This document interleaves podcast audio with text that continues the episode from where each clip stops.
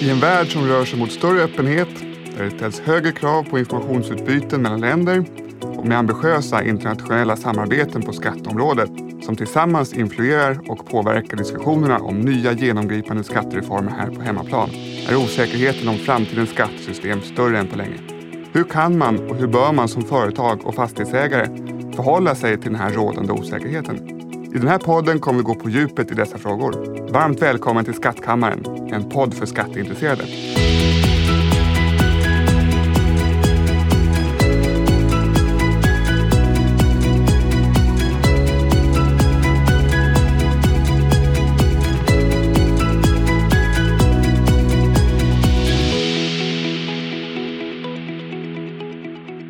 Jag som leder den här podden heter Gustav Ahl och jobbar på KST Västling.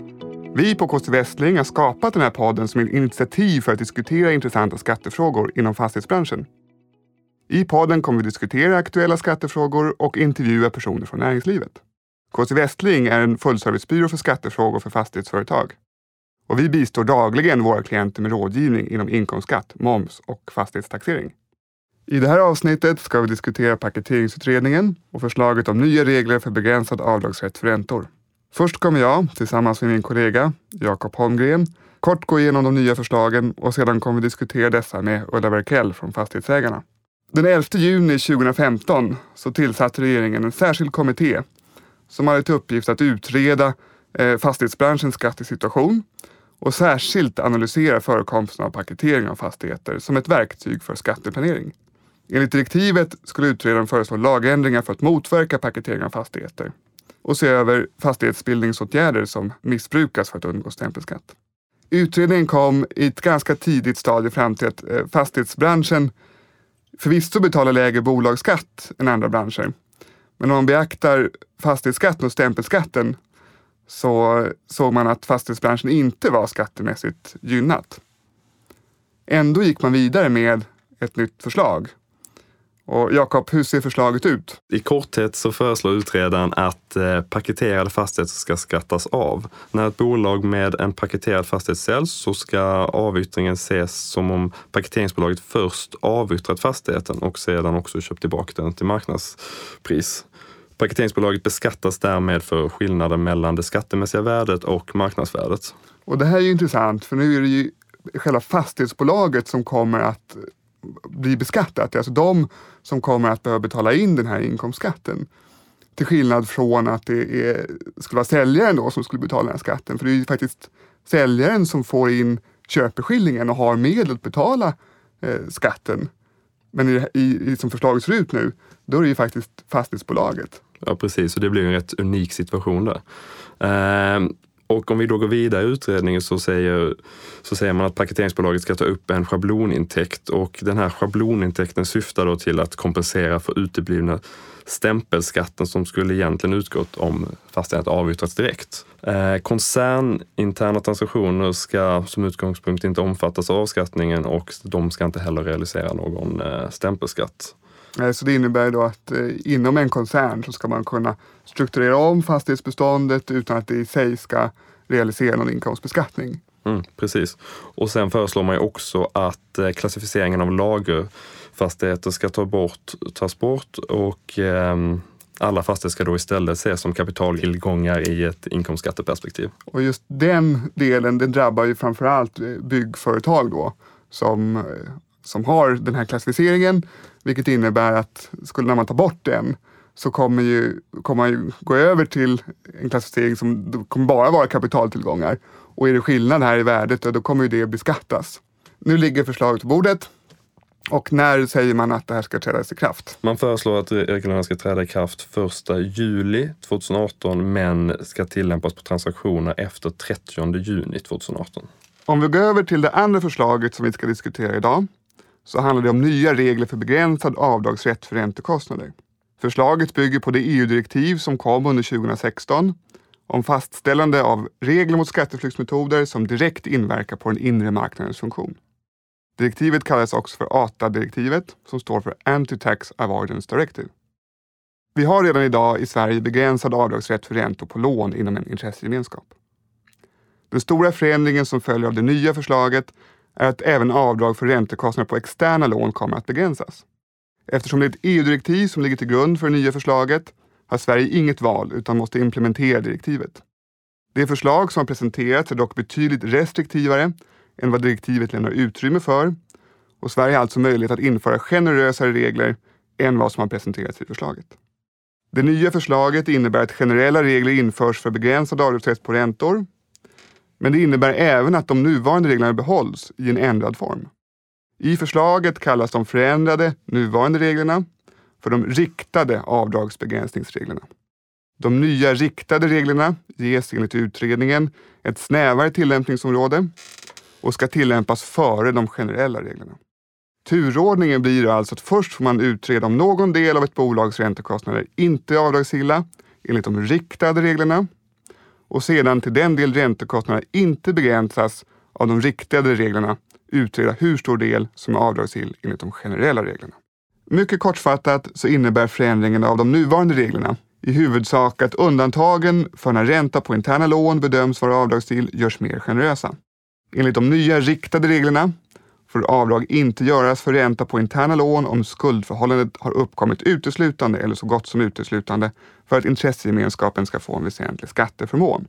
Detta gäller både den så kallade 10 regeln och ventilen affärsmässiga skäl, vilket alltså är en generösare skrivning jämfört med de nuvarande reglerna. Och enligt utredningen kommer förändringen innebära att det framförallt är skuldförhållanden med mycket hög grad av skatteplanering, från cirka 90 till 95 procent upp till 100 procent skatteplanering, som kommer att omfattas av avdragsbegränsningen. Detta kan jämföras med de nuvarande reglerna där tröskeln för att falla in inom begränsningsreglerna är lägre. En något högre restriktivitet kommer dock fortsatt gälla för interna lån som används för att förvärva delägarrätter. Då krävs det att själva förvärvet är väsentligen affärsmässigt motiverat. Så om vi tar de generella begränsningsreglerna, vad innebär de egentligen i korthet? Ja, i utredningen så föreslår man egentligen två olika alternativ. Dels en eh, ebit-modell och sen också en ebitda-modell. Eh, och de här två olika modellerna skiljer sig åt lite grann. Gällande ebit-modellen så får man lov att göra avdrag för negativt räntenetto med 35 eh, procent och för ebitda-modellen så får man göra avdrag för 25 procent av negativt räntenetto. Och där ska man ju då uppmärksamma att det är skattemässigt ebit och ebitda. Och anledningen till att det här skiljer sig, det beror ju på såklart att avdragsunderlaget är mycket högre i en ebitda-modell än i en ebit-modell. Mm, precis. Och om man inte utnyttjar allt eh, räntenetto så får man lov att rulla vidare det i, eh, i sex år. Eh, och det kan också då utnyttjas av andra bolag om, om dessa bolag sinsemellan har koncernbidragsrätt. Men då krävs också att bolagen ska deklarera vid samma tidpunkt. Sen i utredningen föreslår man också att man ska införa ett schablonavdrag på 100 000 kronor och det kan ju då jämföras med Ehm, e EU-direktivet där man säger att man får göra schablonavdrag upp till 3 miljoner euro.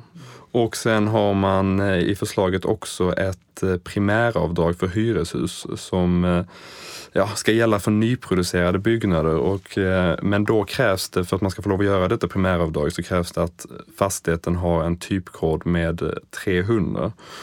Och primäravdraget innebär då egentligen att man får lov att göra ytterligare, ytterligare avdrag för värdeminskningsavdrag med 2% under de fem första åren. Sen inför man också, eller man föreslår åtminstone en tillfällig begränsning av tidigare års underskott och där man bara medger avdrag för maximalt 50 procent av eh, överskottet under två år med ebit-regeln och under tre år med ebitda-regeln.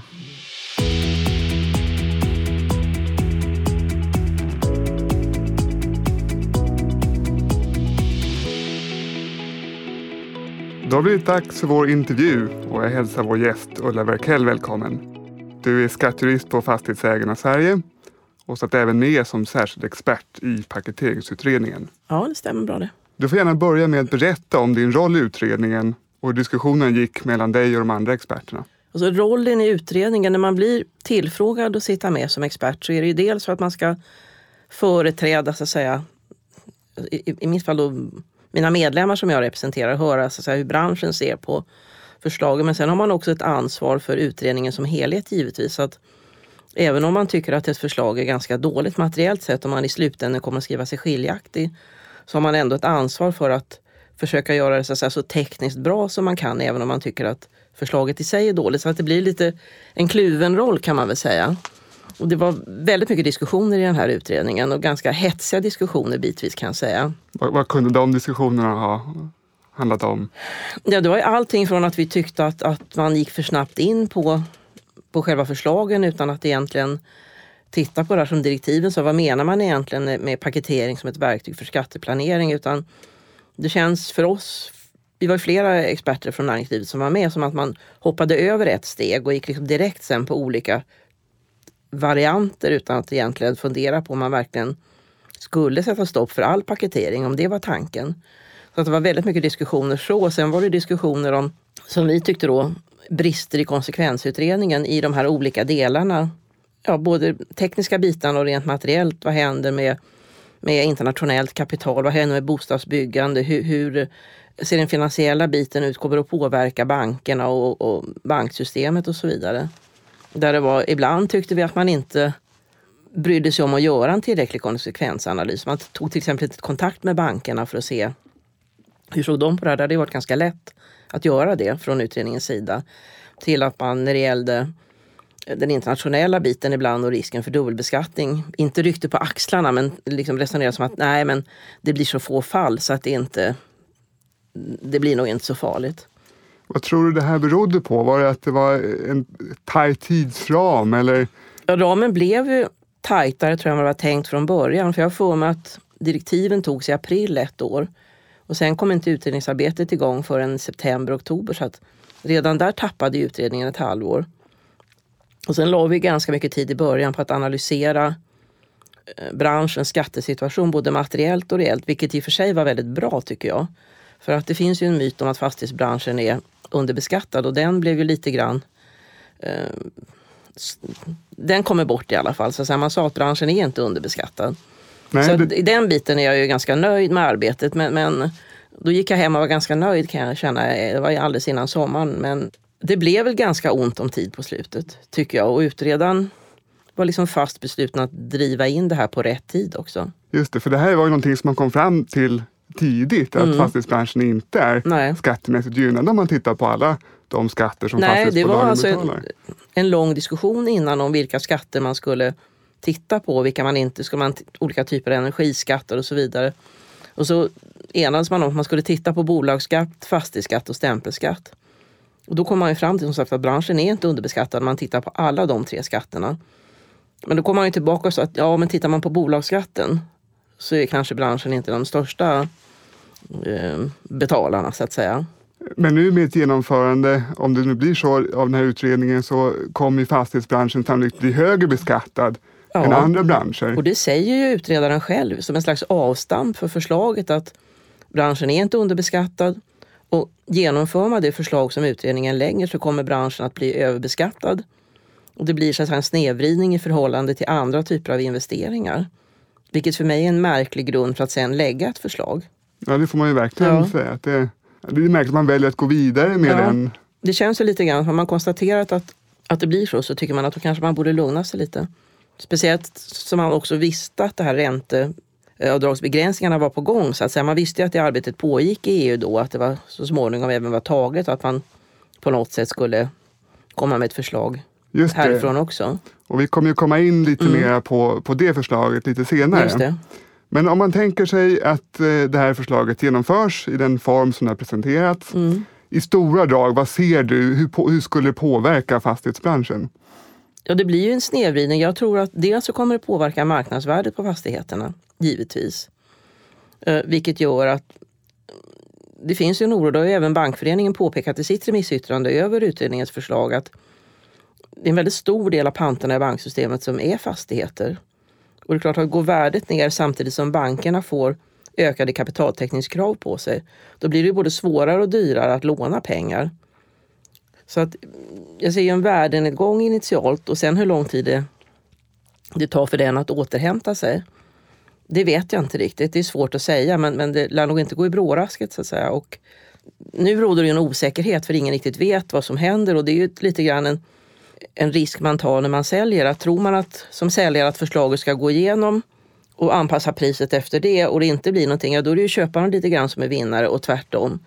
Men, men, men jag tror att vi kommer få ett minskat inflöde av utländskt kapital och vi kommer få en, en värdenedgång på fastigheter som påverkar givetvis möjligheten att skaffa fram kapital både till nyinvesteringar och renoveringar. Vi har ju ganska stora bestånd.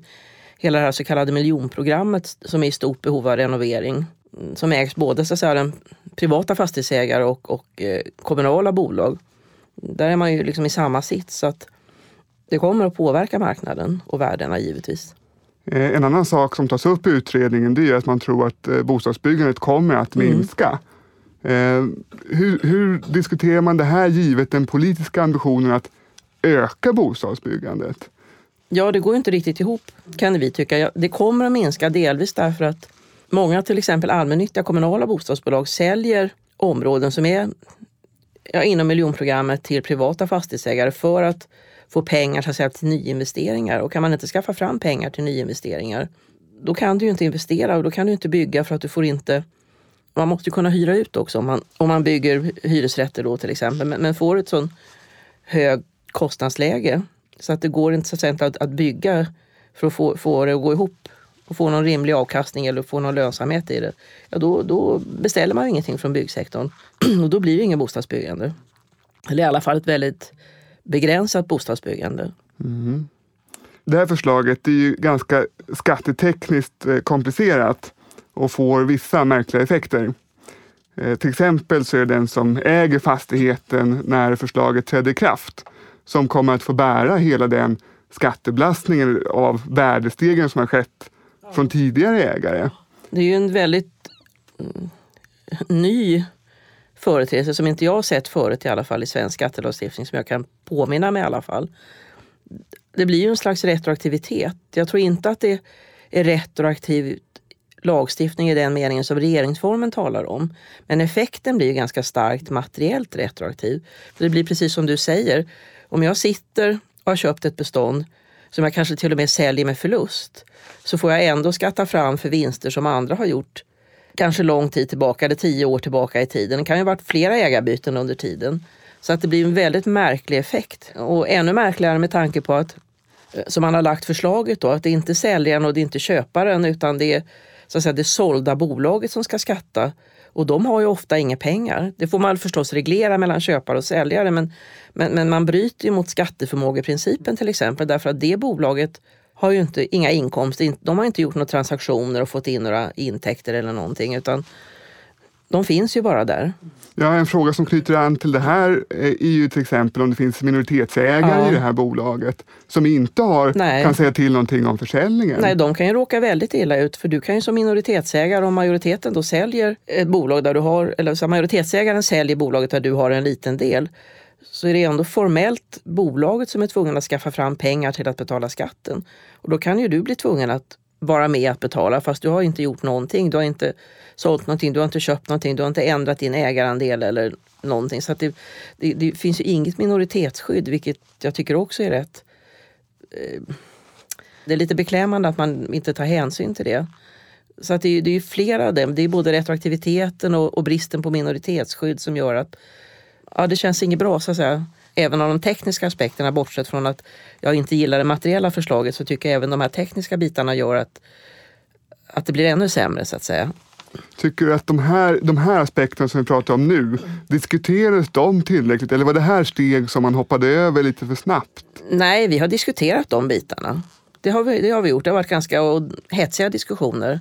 Men, men utredaren har ju valt för att stanna vid att lägga det förslag som hon har gjort så att säga. Och då, då som expert, man kan ju vara med och framföra synpunkter och man har ju rätt, eller man har egentligen inte rätt som expert att lägga ett särskilt yttrande. Det är ordföranden som avgör det, men ofta så brukar man ju få göra det. Och det är ju det sättet man kan då uttrycka sitt missnöje med så att säga.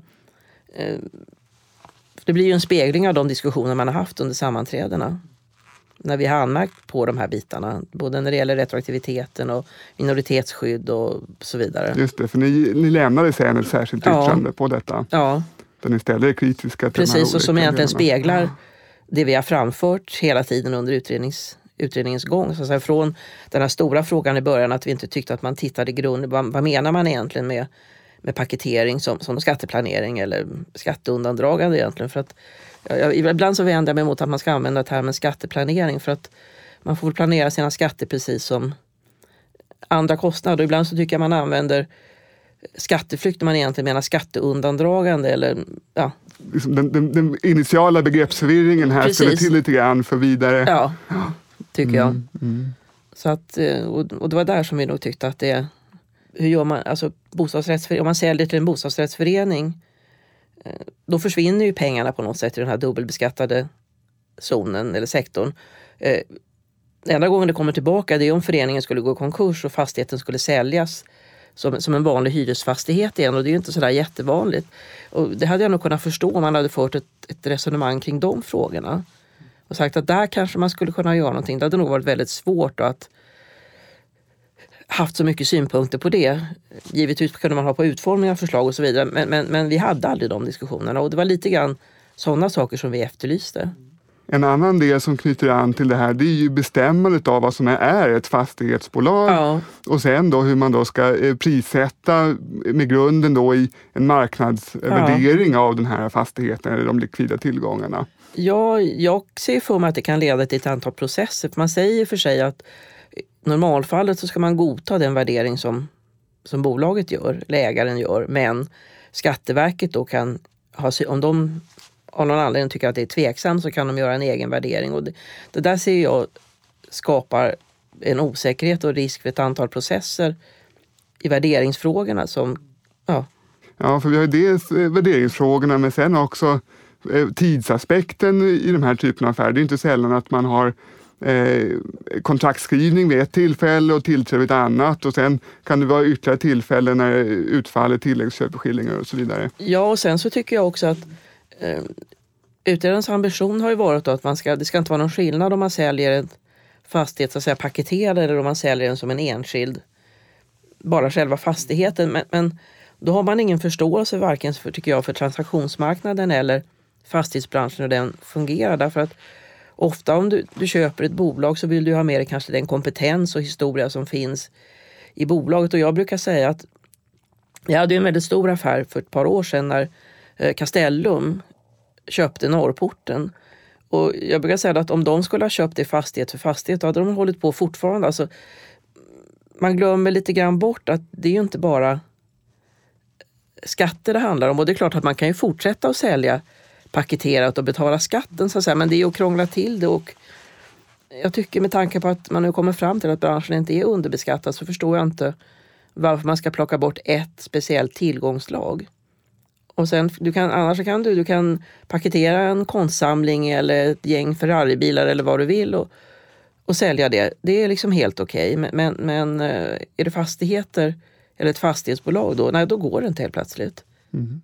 Ja, men det är en intressant, det är en intressant eh, aspekt som du lyfter upp där. Att, eh, man får ju lite känslan av att det här är eh, vad ska jag, ehm, det, det slår ju så väldigt mycket på just fastighets, Ja. eh, fastighetsbranschen. Va? Medan så, å andra sidan då, ja, kan, man kan ju paketera andra typer av tillgångar Mm. också. Och man hade ändå en diskussion, man införde de här reglerna 2003 om möjligheten att sälja näringsbetingade andelar skattefritt. Så man var ju så att säga fullt medveten om effekterna. Och att man tog med fastigheterna och man la ju istället då den här regeln om fastighetsförhållanden i andra änden för att man inte ska, så att skulle kunna både ha kakan och äta upp den. Så att det är ju inte så att det kan ha kommit som en överraskning för, för regeringen att man sen använder det regelsystem som regeringen har anvisat och sagt att gör så här, använd de här reglerna och så oj då, blev det så här. Och det här ställer ju också frågan om förutsägbarheten, rättssäkerheten. Och man ska ju veta vad, vilka konsekvenser en rättshandling får och kunna förutse dem Ja. givet eh, som, de lagar och regler vi har att förhålla oss Ja. till. Och det är klart att på ett sätt är ju alltid regeringens och riksdagens eh, Eh, de har ju alltid rätt att ändra regler. Man måste ju ändå tänka sig för just för att skapa eh, en möjlighet och förutsättningar att bedriva företagsamhet. Att, att inte, man måste ju kunna veta vad som händer nästa år också lite grann. Och jag menar ofta fastigheter, är ju- det är ju en ganska långsiktig investering och långsiktiga projekt. Så att fem, sex, tio år är ju inte speciellt lång tid i det sammanhanget. Så att man behöver ha stabila spelregler och, och man då drar undan mattan och helt plötsligt ändrar förutsättningarna. Eh, inte för att man har eh, klivit över några gränser eller för att man utnyttjar ett system felaktigt utan för att man, man använder det system som lagstiftaren har anvisat helt enkelt. Det skapar ju en rättsosäkerhet. Att, vad blir det nästa gång? Vad ändrar man då? Mm. Den här osäkerheten är dels då att vi har ja, eventuellt får nya regler men också det att vi inte vet idag vad som kommer hända med utredningen som den ligger. Nej.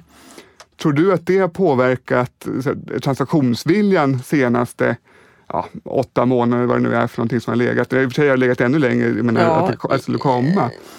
Ja, det tror jag att det har gjort. Alltså, det är klart att det har genomförts transaktioner, det, det gör det hela tiden. Men, men det vet väl ni som så här, också gör transaktioner, att man, man resonerar kanske på ett annat sätt och tar höjd för att förslaget kan komma. Men, men det finns säkert en hel del transaktioner, vi har ju hört om det också, som man avstår från att göra och som är så pass stora så att man, man vågar inte riktigt ta det där steget för att man inte vet vad som kommer att hända. Och, då blir det också om du ska göra en annan fördelning av latent skatt än vad du har idag. Om det är väldigt, väldigt stora transaktioner så är det så oerhört mycket pengar så att då vågar man inte riktigt chansa tror jag.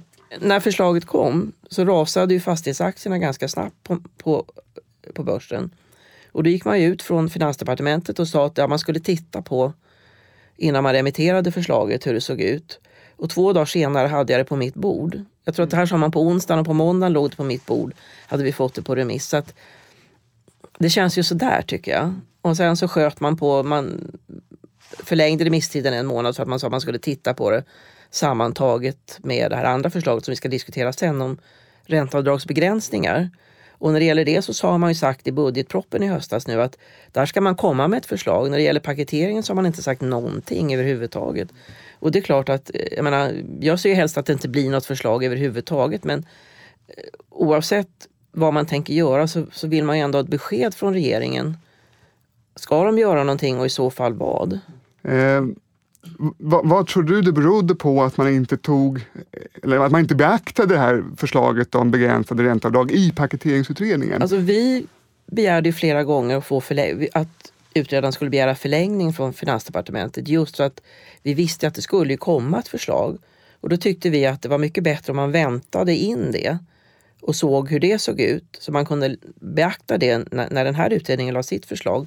Men utredaren ville inte begära någon förlängning utan ville lämna på tid. Och, det finns ju omnämnt i utredningen så här en passant att det kommer att komma regler men, men i och med att man inte visste hur de skulle se ut så, så var det svårt att beakta det. Men jag, jag, tycker att det hade varit mycket bättre om man hade väntat därför att jag kan inte heller se Paketeringen är ju någonting som man har hittat på sig själv i Sverige. Man är ju inte bunden av några EU-regler som säger att det här måste man implementera eller genomföra ett visst datum. Så att man hade väl kunnat vänta kan jag tycka. Hellre ta en paus då och så återuppta utredningen när det här förslaget kom. Men, men... Mm. Det är två förslag som får oerhörda effekter såklart, ja. och speciellt på fastighetsbranschen. Precis, det... Vad tror du händer med paketeringsutredningen nu? Alltså, det är svårt att säga, jag vågar inte gissa. Vi hör dagligen rykten, eh, både att man ska genomföra och att man inte ska genomföra det. Så att det är väldigt, väldigt svårt alltså att få något grepp om vad som kommer att hända eller inte kommer att hända skulle ju gärna vilja tro att man, man låter bli att genomföra. Jag vet ju att eh, man hade uppe det här till diskussion i Företagsskattekommittén 2014. Men då insåg man i och med att det förslag man, man la i den utredningen just om ränteavdragsbegränsningar skulle slå just mot fastighetsbranschen så tyckte man att det var väl liksom lite tufft att ta då ett annat regelsystem som också skulle slå hårt mot, mot samma bransch och samma företag. Så då avstod man ju. Och jag menar, det har ju inte förändrat sig på något. Det är ju samma förhållanden idag som det var då. Det är ju lika, ja, lika illa nu. Så att jag, jag hoppas ju någonstans att man besinnar sig och inser att eh, ska man ha ett bostadsbyggande och nu ser vi att det går ju lite skälvningar och vågor på bostadsmarknaden. Och man får inte glömma nu att nu har vi ett extremt lågt ränteläge som gör att eh, kostnadsnivåerna är ändå, kanske någonstans då inte okej, okay, men menar, det är skillnad om du går upp till en räntenivå som kanske är 3-4 procent, vilket inte är helt onormalt. Då blir det ju mycket tuffare på alla sätt, både att hitta eget kapital och, och låna. Så att det slår ju ganska hårt. Och, och vill man nu, vilket man har sagt, att man vill bygga ett stort antal bostäder så måste det ju finnas någon som både kan bygga och som kan äga och förvalta bostäderna också. Mm. Ja, verkligen. Eh, om vi ska gå vidare och titta på just det här, prata om det här förslaget om begränsade mm. räntekostnader. Mm. Eh, så det, det här har ju varit, vi, i Sverige har vi levt med de här ränteavdragsbegränsningarna på interna lån nu i ganska många år. Ja. Eh, men nu kommer ett förslag som omfattar både räntekostnader på interna och externa lån och det kommer från det här EU-direktivet. Hur kommer det här påverka eh, fastighetsbranschen som är en sån kapitalintensiv bransch i stort? Då, att man inte kommer kunna få avdragsrätt eh, alls i samma utsträckning vi tittade på det här, Företagsskattekommittén kom med sitt förslag 2014. Så tror jag det handlade om 2-3 miljarder per år som skattekostnaderna skulle öka för branschen. Och det är ju ganska mycket pengar och det var ju ändå eh, en ganska låg ränteläge. Nu är det här förslaget lite annorlunda och det finns ju två olika förslag. Men det kommer fortfarande slå väldigt hårt mot alla kapitalintensiva branscher. Så att det kommer att påverka stort. Det kommer en, en, en eh, utredning som Stockholms handelskammare presenterade igår tror jag, där man hade frågat ett stort antal eh, fastighetsbolag och byggbolag eh, vad de trodde då om de, om de här förslagen skulle genomföras. Och det, det är inte många som kommer våga eller kunna bygga då. Och det är dels är det bostäder men man får inte glömma bort att det behövs ju faktiskt lokaler också. Mm. Att andra företag ska kunna växa och utveckla sin verksamhet. Ja precis och det där är också en intressant aspekt. om, om eh eh, fastighetsägare idag, eller i framtiden då, inte kommer kunna tillhandahålla lokaler Nej. i samma utsträckning. Eh, då måste ju de andra rörelsedrivande bolagen också Ja, lägga pengarna lägga på pengar. att bygga egna lokaler istället för att utveckla sin egen verksamhet. Så att det påverkar både bostadsbyggande och kommersiella, ja, kommersiella ja. sidan. Och jag vet till exempel att eh, Stockholms studentbostäder gjorde en undersökning då när Företagsskattekommittén kom och jag tror att för varje krona de skulle göra i vinst skulle de få betala tre kronor i skatt eller något sånt där. Så att det får ju rätt kraftiga effekter. Verkligen. Eh, det svenska förslaget, det finns två alternativ, ebit och ebitda-beräkningar. Eh, EU-direktivet, eh, e där, där tar man upp ebitda-alternativet. Eh, Sverige har valt att gå med ebit-alternativet och ebitda-alternativet en mycket restriktivare eh, väg än vad direktivet tillåter. Det skulle finnas utrymme för mycket generösare Absolut. regler. Hur ser du på den här restriktiviteten som Sverige tar i förhållande till EU-direktivet? Jag tycker att den är oerhört olycklig av flera skäl. Dels så tycker jag att det som släpar lite det här EU-direktivet, anti-tax avoidance som det heter, det är ju tillkommet som en ren skatteflyktsregel kan man säga. Det svenska förslaget är en, en sammanblandning av det här skatteflyktsalternativet och den här gamla tanken från Företagsskattekommittén att man ska ha neutralitet mellan eget och lånat kapital. Och det är väl därför som man har mycket tuffare förslag än, än vad man behöver ha då. Vad man inte heller lägger i andra EU-länder som vi har kunnat se. Där tror jag att de flesta håller sig till 30 procent av ebitda. Eh, så att det skapar ju dels sämre förutsättningar här hemma givetvis. Därför att kapitalintensiva branscher, det är ju där man har lån. Och där är ju lånekostnaden är ju en, en, som vilken annan kostnad som helst. Och jag kan inte se, det är ju inte så att du går till banken och lånar pengar externt för att du ska kunna göra ett skatteavdrag. Så att säga. Du, du lånar de pengar eller skaffar fram det kapital du behöver för att kunna driva din verksamhet. Och, eh, jag tycker kanske den här tanken på neutralitet mellan eget och lånat kapital det kanske fungerar som en nationalekonomisk teoretisk tanke men vi har ju en verklighet också. Det finns inte obegränsat med eget kapital och det, dels kan det vara både dyrare därför att tar du in en extern ägare så kanske han eller hon ställer helt andra krav på avkastning och insyn och så vidare än om du lånar kapital. Har du då kanske byggt upp ett familjeföretag under en eller flera generationer så är det ganska tufft om du för att ska kunna vidareutveckla det ska behöva så släppa ifrån dig en del av det här bolaget som, som kanske ligger dig oerhört varmt om hjärtat och som du har byggt upp. Så jag tycker att det är flera aspekter på det, men, men jag tycker att det är väldigt olyckligt. Och jag tror att vi kommer få problem när det gäller inflödet av utländskt kapital. Det finns andra marknader man kan gå på då istället som, där det är bättre och där man har kanske samma system som man har i många europeiska länder. Ja, för där kommer jag in, som du, som du var inne på, att de, an, de flesta andra länder som har den här typen av generella avdragsbegränsningsregler baserar det på en ebitda-modell. Precis. Eh, Så finns det några andra aspekter att ta ett hänsyn till att inte avvika för mycket från eh, Eh, andra länders eh, hanteringen av den här skattefrågan egentligen? Ja, det är väl det att det skapar en osäkerhet för utländska investerare och sämre konkurrensförhållande för svenska. Alltså locka till oss kapital. Jag tycker att eh, alltså, det är lite olyckligt när man väljer egna alternativ när man inte behöver. Och jag kan ju tycka att jag förstår inte varför vi ska behöva ha ett annat system och ha tuffare regler. Vi har haft, och det kan man ju säga, det har ju varit väldigt förmånliga regler när det gäller externa räntor. Men, men jag har svårt att se att man använder det ändå som ett sätt för att skatteplanera. Det, det är kanske jag som inte är tillräckligt påhittig och kreativ för att kunna göra det då. Men, men i grunden så tycker jag att för ett kapitalintensivt företag så är det här en kostnad precis som alla andra kostnader. I EU-direktivet så finns det, man öppnar upp för ett antal andra undantag också. Bland annat det här med eh, infrastrukturprojekt för allmänheten, att man skulle undanta den, eh, de typen av eh, projekt från begränsningsreglerna. Ehm, här, skulle man, här ser man ju man, diskussioner internationellt att, att man kan att man och diskuterat undanta till exempel byggande av hyreshus.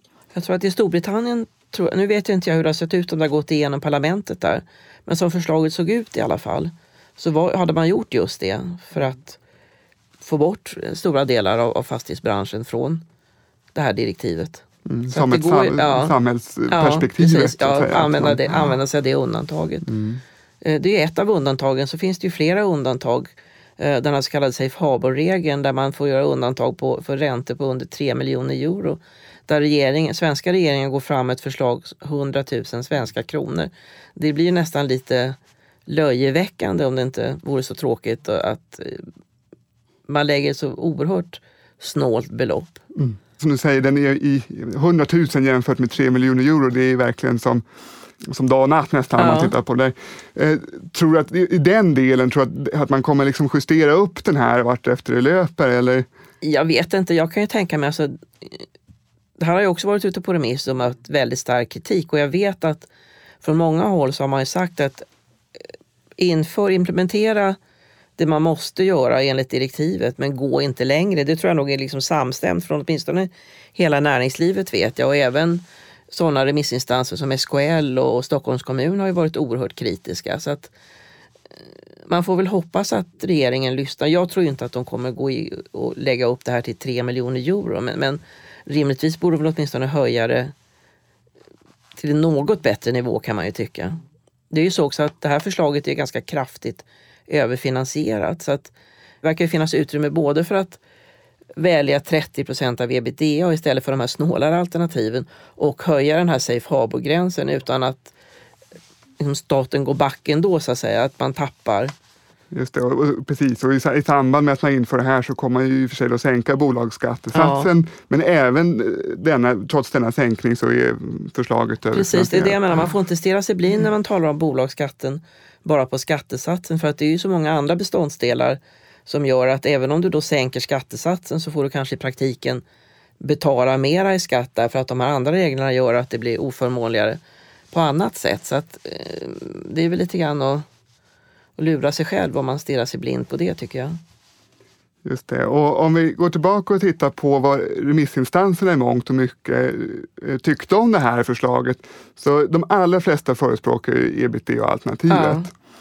Eh, nu går regeringen fram och presenterar två alternativ. Eh, tror du att man kommer lyssna på remissinstanserna? Varför, varför tar man annars fram två olika alternativ?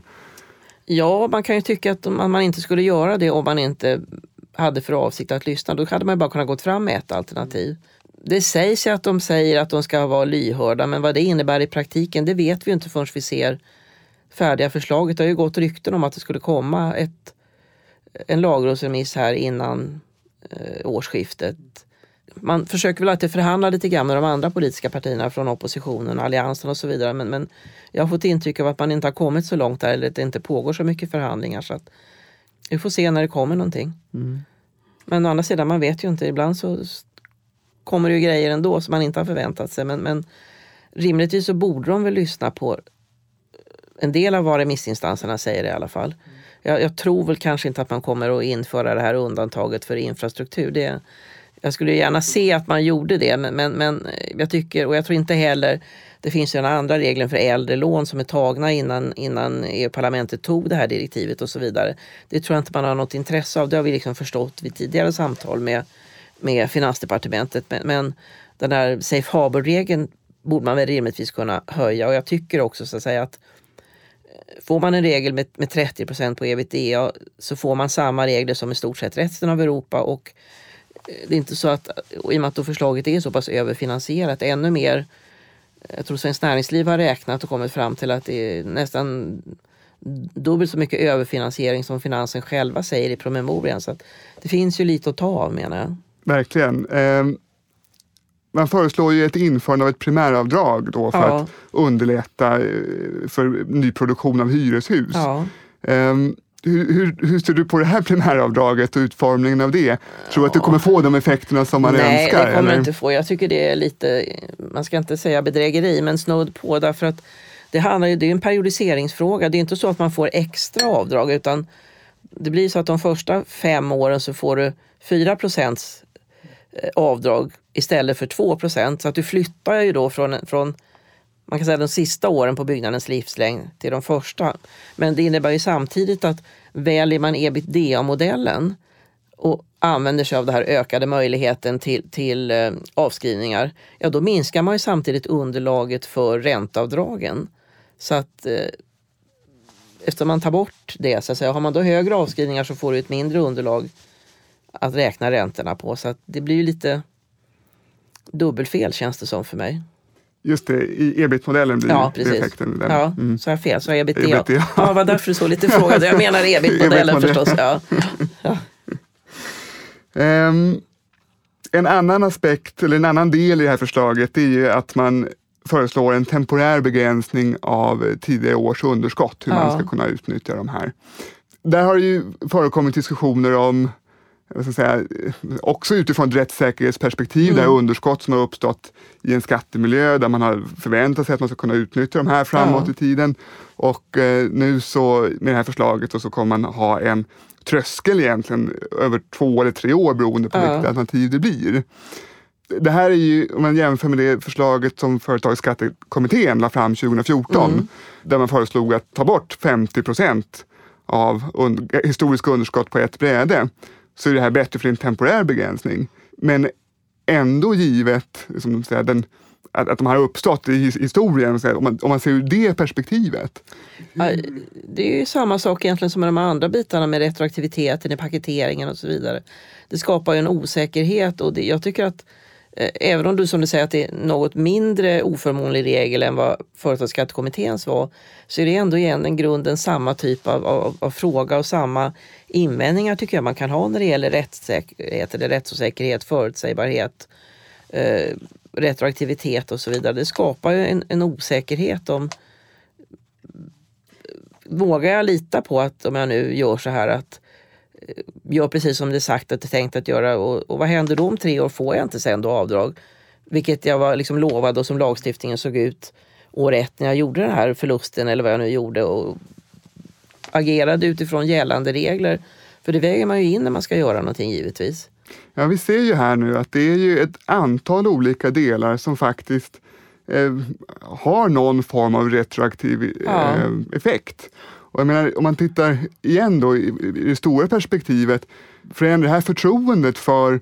Ja, det alltså, tror jag. Jag ja. tror att det, att det förändrar och, och försämrar så här, förtroendet för politiken och för lagstiftaren. För man känner att eh, här har man agerat utifrån vissa förutsättningar där man har så här, blivit lovade där, där lagstiftaren har sagt att så här och så här och så här kan man göra.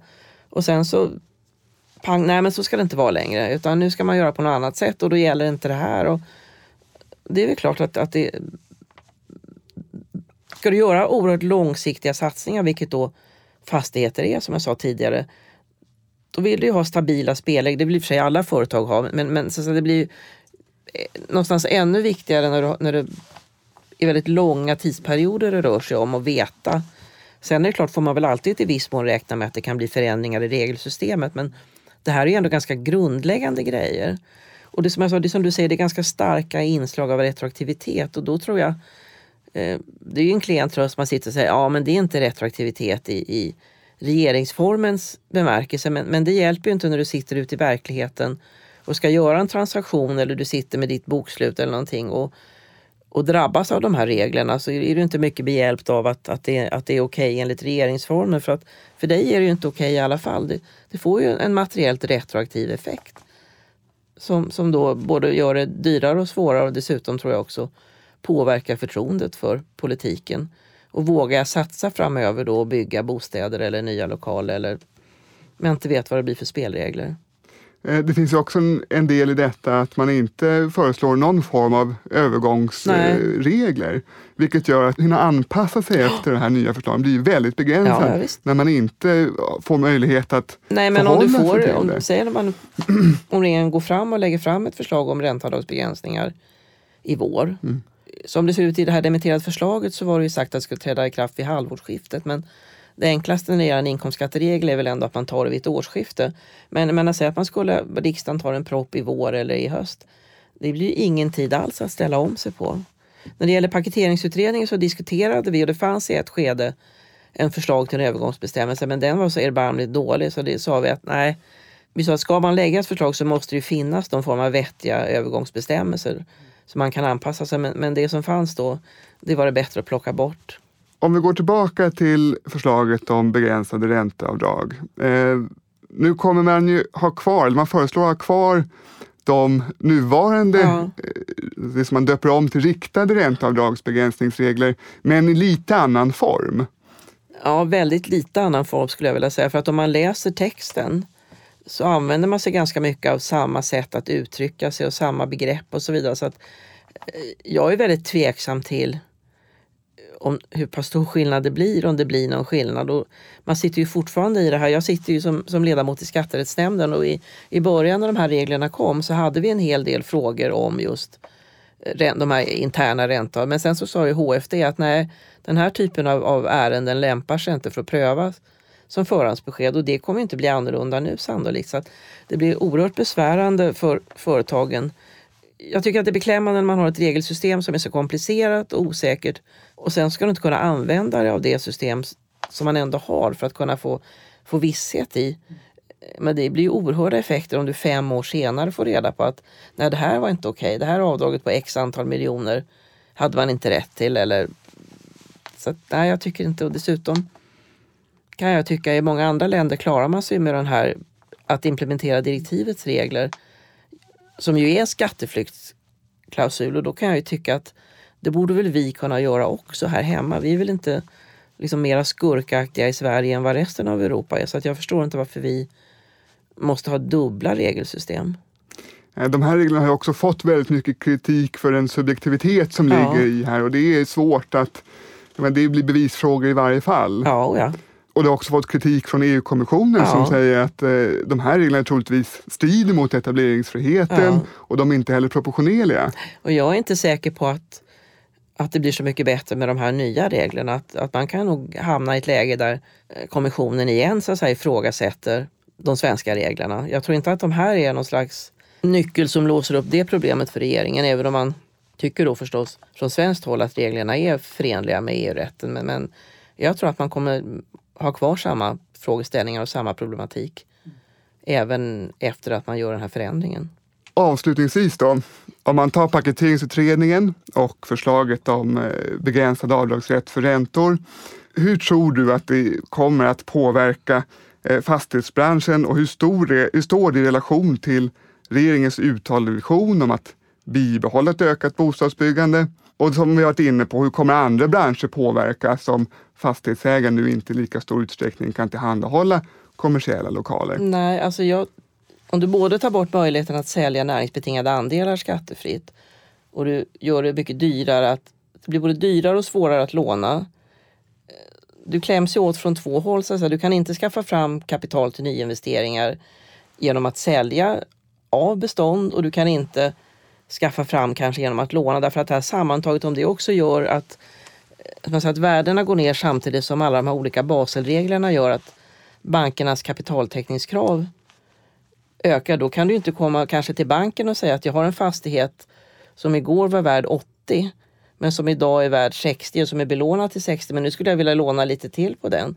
Jag är, kan känna en oro för att man lite grann bygger upp och skapar en, en, en fastighetskris som egentligen inte finns, som det inte finns någon anledning. Jag menar, man sätter tillbaka till 90, 91, 92.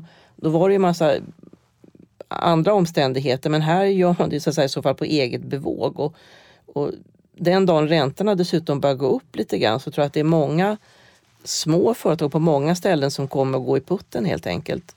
Ibland så glömmer man att Sverige består ju inte bara av Stockholm, Malmö, Göteborg utan det finns ju så, eh, resten av landet också. På många ställen så är det tufft redan idag och jag tror inte man kommer inte kunna bygga och man kommer framförallt inte kunna bygga för dem som behöver komma in på bostadsmarknaden. Mycket av det som byggs nu byggs lite grann för folk som har råd att betala så att säga. Men, men när man pratar om att man, man behöver öka bostadsbyggandet och bygga och det är stora kategorier, både ungdomar och andra som behöver komma in på, på bostadsmarknaden. Det tror jag kommer bli oerhört svårt. Vi såg ju eh, när jag var ute och pratade om Företagsskattekommitténs förslag. Där var ju byggföretagen först ganska kallsinniga och tyckte att det här kommer inte påverka oss. Men sen efter ett tag när de märkte att beställarna började frysa projekten, då blev det ju en osäkerhet och, och det finns ju en risk för att det kommer bli samma sak nu. Man fryser, man vågar inte för man får inte kalkylerna att gå ihop. Och då blir det ju problem, både givetvis liksom på bostad men också som du säger den här kommersiella biten som ju också behöver utvecklas. Så att, nej, jag, jag ser med oro fram. Det, finns, det är ett antal olika förslag som sam, samverkar till det här. Vi har tagit fram en bild som är, egentligen visar det, olika förslag som är i olika stuprör och så säger alla utredare att allt annat lika så blir det så här. Och samtidigt så finns det fem andra förslag som påverkar. Så det är aldrig allt annat lika och då, då blir det ju fel någonstans att varje att utredningen tittar liksom bara strikt på sin egen bit och gör ingen... Vi tog fram en rapport eller bad någon hjälpa oss med det. Jag tror att skattekostnaderna handlar om mellan 15 till 20 miljarder per år kanske i ett kortare perspektiv och det är klart att det är ingen som vågar satsa då.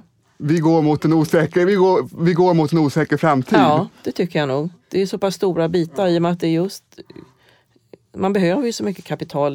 Det är ju främst förstås, som jag vårdar om, fastighetsbranschen men det är andra branscher också, stora tunga energiföretag och stora industriföretag som behöver alltså, mycket dyra maskiner och så vidare. Så att det, det blir tufft för alla. Det är, om man inte är konsult eh, och där man har humankapitalet som den stora Tror du att man skulle ha kunnat lä lagt fram eller fått framgång i de här olika förslagen om man hade haft ett annat ränteläge? Hade liksom det påverkat? Ja, det är klart, har man haft ett annat ränteläge och räknat på, på det så hade det blivit ännu dyrare. Jag vet inte om man hade vågat. Det är svårt att säga. Samtidigt har man inte räknat med nollräntor kanske när man, när man räknar med, på förslagen. Men, men det är klart att att vi har haft så pass låga räntor nu, det är det som har gjort att det ändå har gått ganska bra när det har varit lite sådana här blippar i, i, i konjunkturen. För då har man ändå klarat från, från företagens sida sina åtaganden. Så att säga. Det var väl där det sprack lite grann 90-91 när ränteläget var ett annat. Då kunde man inte, och bankerna då tog in de här panterna för man kunde inte man hade inte de här betalningsströmmarna som man såg att det funkar. Nu har man ju sett att det har gjort det så då har det liksom gått bra. Men det är klart, ökar räntorna då har du inte möjlighet att göra det. Samtidigt då som du inte får de här avdragen. Det är klart att vissa klarar sig, så är det ju alltid många, men för många så blir det och på, sagt, på många ställen ute i landet så blir det jättetufft. Alltså. Och även förstås en del små företag på andra, eh, alltså, i storstäderna också. Men, men, men eh, nej, jag tror att det blir svårt att, att få ett bostadsbyggande. Inte av det slag som regeringen efterlyser. Och jag kan jag också se problem här i Stockholm. Man har haft den här Stockholmsförhandlingen och kommunerna åtar sig att man ska bygga bostäder då när det satsas på de här tunnelbanelinjerna. Men man undrar ju vem ska bygga dem och framförallt vem ska äga och förvalta dem långsiktigt. Så jag tror att det kommer bli svårt och tufft. Och man kan väl bara hoppas på att regeringen har tagit till sig av kritiken, vad, det, ja, vad kritiken mm. både i, i båda förslagen så att säga. Att de också sammanväger. Eh, man måste ju införa det här direktivet. Men man måste ju inte göra det tuffare än vad direktivet kräver. Och på paketeringsutredningen, den är ju någonting helt eget. Så den behöver man verkligen inte genomföra. Och speciellt inte tycker jag om det visar sig att branschen är snudd på överbeskattad redan nu och blir i alla fall, även när det gäller bolagsskatten, om man nu tycker att branschen bidrar för lite där, så försvinner ju den delen definitivt när man inför direktivet. Så då faller ju det också tycker jag. Mm, nu får vi se. Nu kommer det ju, men som du säger, förslaget om ränteavdrag, det kommer ju att genomföras och vi förväntar oss ju någon, någon form av besked här relativt snart ja. i vart fall. Ja, med det sagt så tror jag att det är dags att, att börja runda av intervjun. Och eh, jag får tacka Ulla Verkel ja. för dina kloka insikter. Tack själv. Och så. Eh, så kommer vi absolut få anledning att återkomma till de här frågorna inom ganska snar framtid. Jag skulle tro Bra. det. Vi får under tiden hålla tummarna för att det inte blir så hemskt som det kan bli. Mm. Då har vi kommit till slutet av det första avsnittet av Skattkammaren. I nästa avsnitt ska vi fokusera på transaktionsmarknaden och vilken betydelse skattefrågor har när det gäller förvärv, försäljningar och finansiering. Hoppas vi hörs då!